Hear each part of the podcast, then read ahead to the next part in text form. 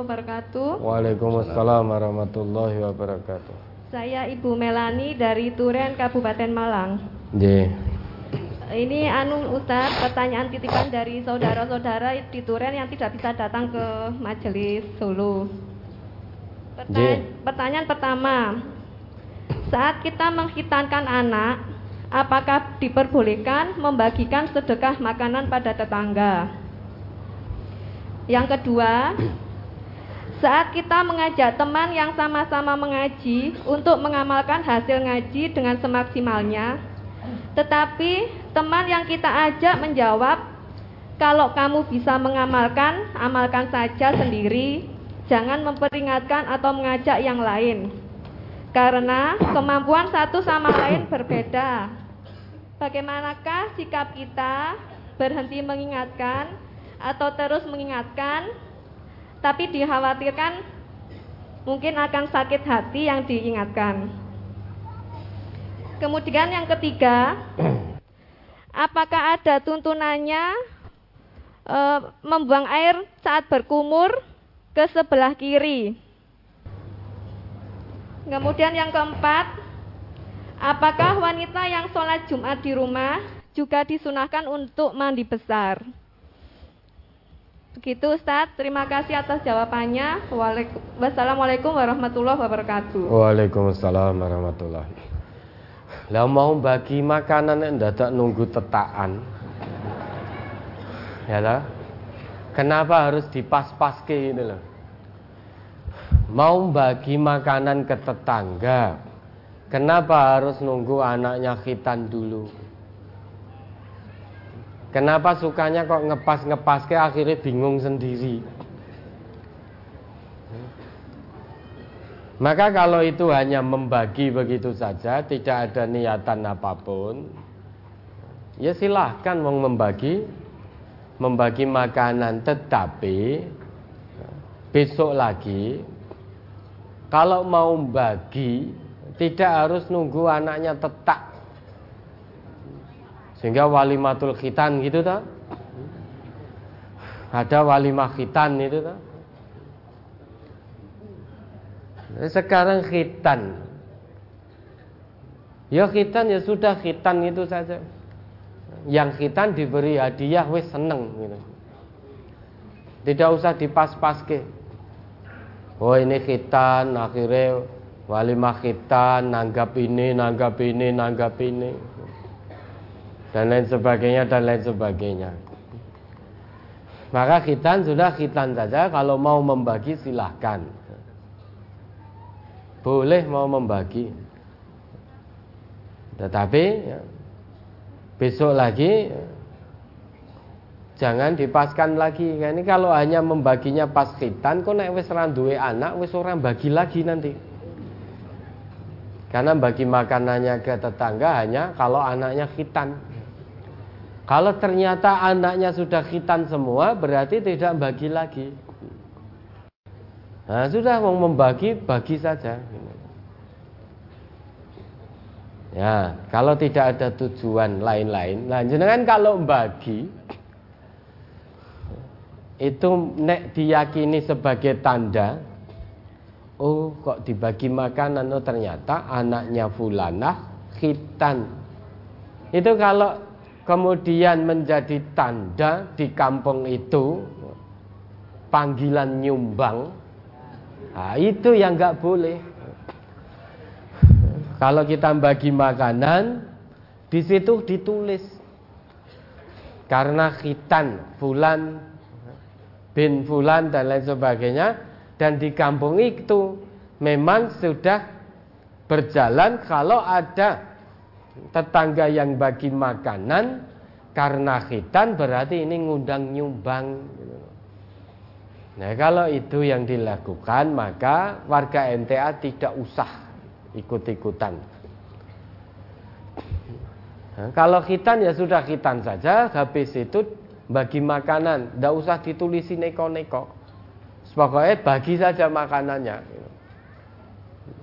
kalau ditanya ini dalam rangka apa? Jawab saja dalam rangka bagi-bagi. Iya, jangan ndak usah dalam rangka khitan. dalam rangka bagi-bagi. Ya, sudah selesai. Ya, yang kedua, ngajak teman untuk mengamalkan hasil ngaji. Tapi teman malah memberikan alasan, kamu saja yang mengamalkan. Kemampuan orang berbeda-beda. Ini berarti temannya belum mau diajak untuk mengamalkan hasil kaji. Sekarang kalau kita ngaji kemudian tidak kita amalkan itu berarti seperti pohon tanpa buah tidak membawa manfaat apa pun. Ya. Tujuan kita ngaji ini agar paham. Kemudian sesudah paham diamalkan. Dengan pengamalan inilah kita bisa menjadikan Quran dan Sunnah sebagai pedoman hidup, bukan hanya sebatas pengetahuan belaka. Quran diturunkan oleh Allah itu untuk ditadaburi. Kalau ada orang yang mentadaburi Quran secara sumul, maka dia pasti mengamalkan petunjuk Al-Quran.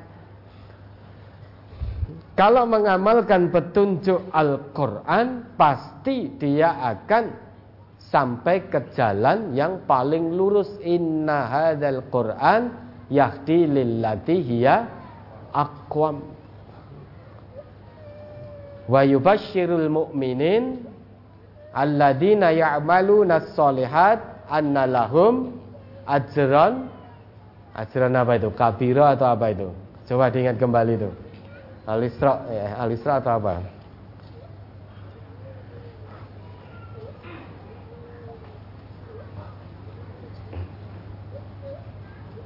Ayat berapa itu? Sembilan atau berapa itu?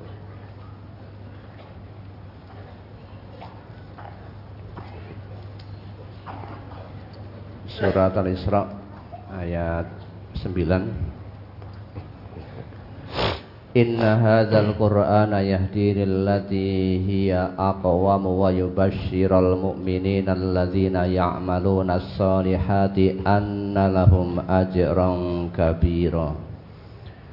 Sesungguhnya Al-Qur'an ini memberi petunjuk kepada jalan yang lebih lurus dan memberi kabar gembira kepada orang-orang mukmin yang mengerjakan amal soleh bahwa bagi mereka ada pahala yang besar. Ya, memberi kabar gembira bagi orang mukmin yang mengerjakan amal soleh, sehingga keimanan tidak hanya sebatas pengakuan, namun harus dibuktikan dengan amal soleh. Kalau ingin mendapatkan kabar gembira dari Quran berupa pahala yang besar di sisi Allah. Maka kalau ada orang ngaji kemudian tidak mengamalkan hasil kajinya berarti orang tersebut belum bisa menjadikan Quran sebagai pedoman hidup. Kalau belum bisa menjadikan Quran sebagai pedoman hidup, maka berita gembira berupa pahala yang besar di sisi Allah yang diberitakan oleh Al-Quran belum bisa dia terima. Dia belum dapatkan berita gembira ini. Dan pasti belum sampai ke jalan yang lebih lurus, yang paling lurus, akwam. Karena hanya dengan mengikuti dan mengamalkan Al-Quran sajalah kita akan sampai ke jalan yang paling lurus. Tidak ada jalan yang lebih lurus daripada jalan yang ditunjukkan oleh Al-Quran. Maka ngaji ini untuk dipahami, bukan untuk kulaan sebagai pengetahuan saja. Ngaji itu tujuannya untuk paham dan mengamalkan. Ilmu tanpa amal itu omong kosong. Ilmu tanpa amal itu omong kosong. Amal tanpa ilmu itu sombong. Sehingga kalau ngaji paham berarti otaknya Quran tapi belum mau mengamalkan apa yang dipaham berarti hatinya masih mengikuti bujuk rayu setan.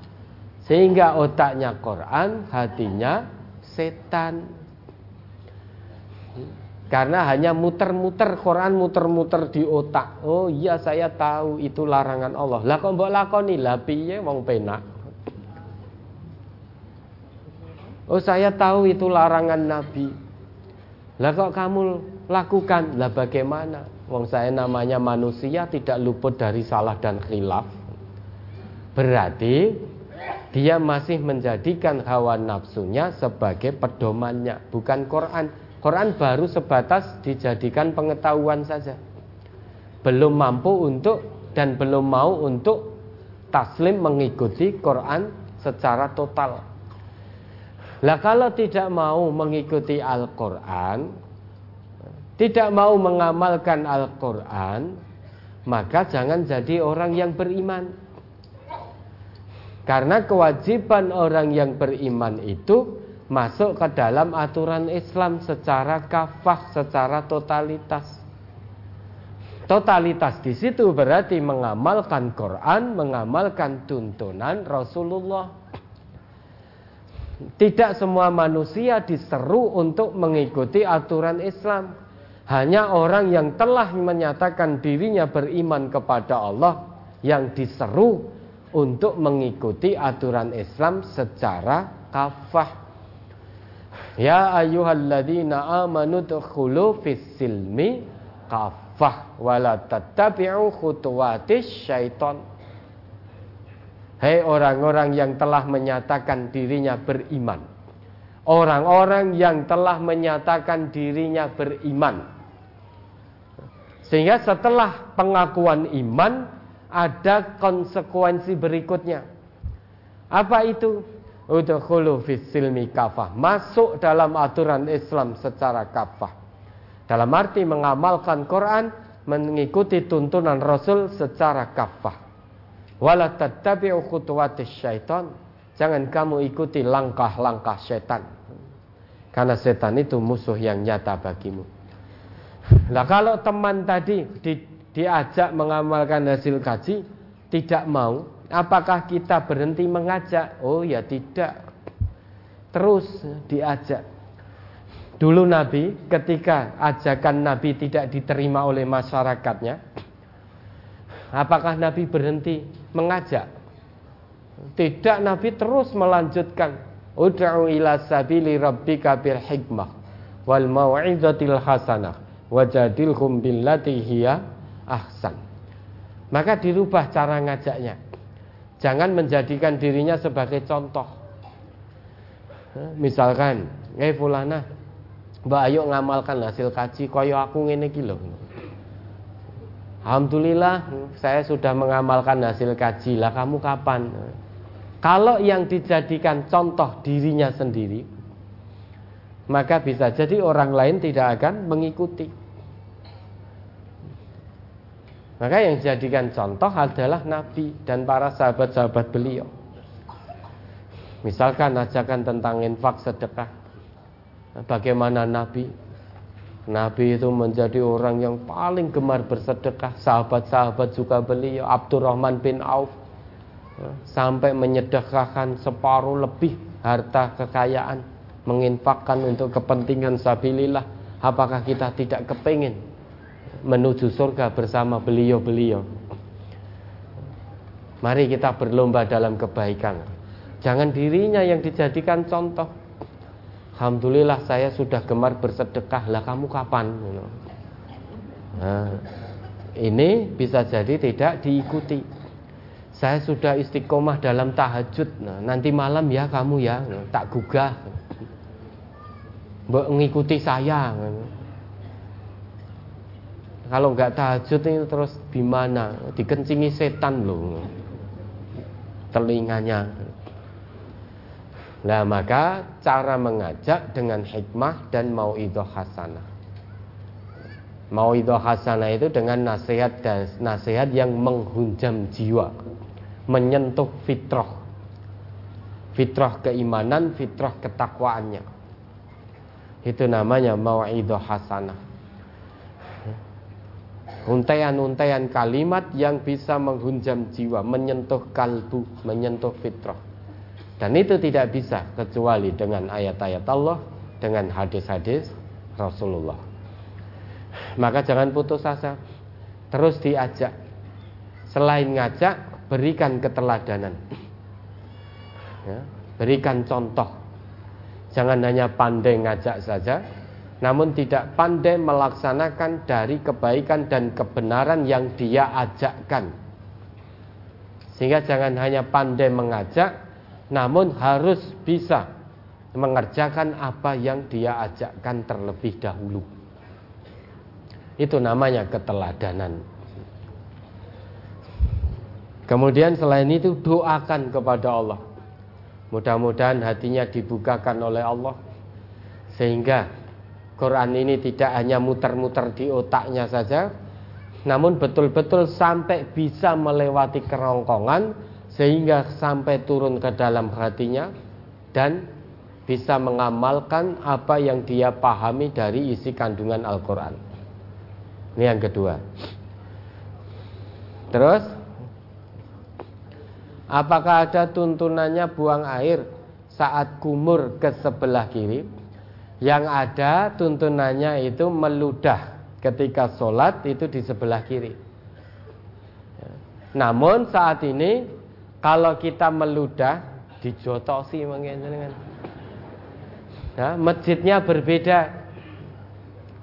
Masjidnya berbeda dengan masjid zaman Nabi dulu. Kalau masjid zaman Nabi dulu itu masih tanah pasir begitu meludah langsung diuruki Bahkan dulu dengan ketidaktahuannya seorang Arab Badui tiba-tiba datang kencing. Tapi kata Nabi kita apa? Para sahabat itu mau marah. Mau marah itu kepada Arab Badui tadi. Nabi ngendika, sudah jangan marah. Kamu ambil air. Kemudian siram kencing itu dengan air. Nah coba sekarang. Dengan dalih ngikuti tuntunan jenengan meludah ngeriak cuh gitu meludah. Atau kencing di situ rampung dijotosi jenengan. Karena masjidnya berbeda. Ya kalau berkumur kemudian buang ke sebelah kiri ya itu buang boleh-boleh saja silahkan ke sebelah kiri karena kiri itu tanda ketidakbaikan kan itu. Maka segala sesuatu yang baik mulai dari kanan. Membuang ludah ketika sholat dituntunkan ke sebelah kiri karena kiri itu tanda tidak baik. Setan itu makan minum dengan tangan kiri, maka kiri itu menjadi simbol ketidakbaikan. Ya jangan meludah kalau di tempat wudhu itu mau ke depan, mau ke kanan, ke kiri ya silahkan. Ya, ada lagi. Eh keempat. Wanita sholat Jumat di rumah apakah mandi besar? Iya mandi, disunahkan mandi. Mandi Jumat. Mandi Jumat. Meskipun sholat sendirian di rumah. Ya, ada lagi.